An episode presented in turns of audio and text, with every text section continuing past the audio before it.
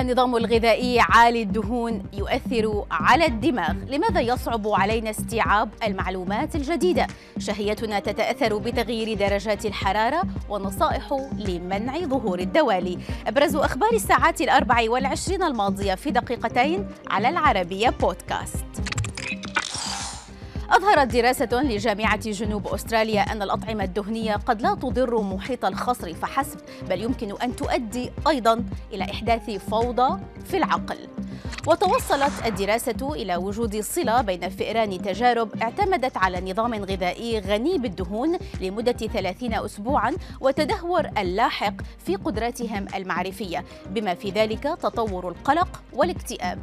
ورقبت الدراسة وزن الجسم ومستويات الجلوكوز لدى الفئران إلى جانب اختبارات الإنسولين ووجدت أن الفئران التي تتبع نظاما غذائيا عالي الدهون طورت مقاومة للإنسولين وبدأت تتصرف بشكل غير طبيعي مقارنة بتلك التي تعتمد على نظام غذائي متوازن.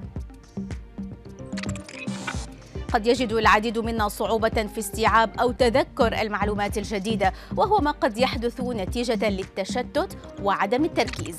لكن الوظائف المعرفية للدماغ يمكن أن تنخفض لأسباب عديدة خاصة بسبب الإجهاد بحسب ما كشفت اختصاصية الطب العصبي إرينا خفينجا التي قالت إن الإنسان الذي يقع تحت تأثير الإجهاد يصعب عليه التركيز على العمل أو التعلم. الطبيبة أضافت أن توقف الشخص عن استيعاب معلومات جديدة قد يكون سببه عدم حاجته لهذه المعلومات حاليا أو بسبب التعب والجوع وقلة النوم مشيرة إلى أن انخفاض مستوى التركيز يؤدي إلى استنفاد الجسم وظهور مشكلات في الذاكرة. يميل البعض لتناول كميات قليلة من الطعام في موسم الحر خاصة أن حرارة الجسم تعتبر أحد العوامل المنظمة للسلوك الغذائي.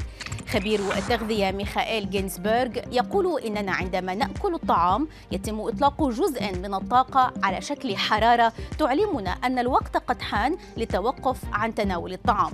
وعندما تنخفض درجة حرارة الجسم تكون إشارة لبدء الأكل لأننا نحتاج إلى الطاقة.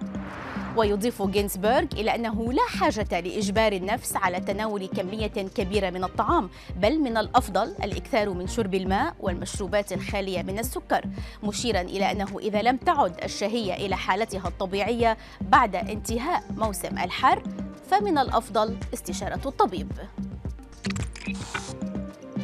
تعمل الصمامات الموجودة في الأوردة على ضخ الدم من القدم إلى القلب وهي الأوعية الدموية الوحيدة التي تحرك الدم من الأسفل إلى الأعلى.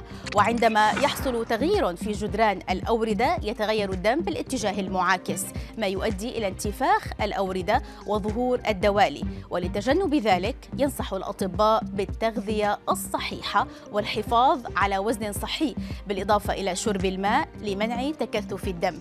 كما تعتبر ممارسة الرياضة والحركة من الأمور المهمة للوقاية من توسع أوردة الأطراف السفلية.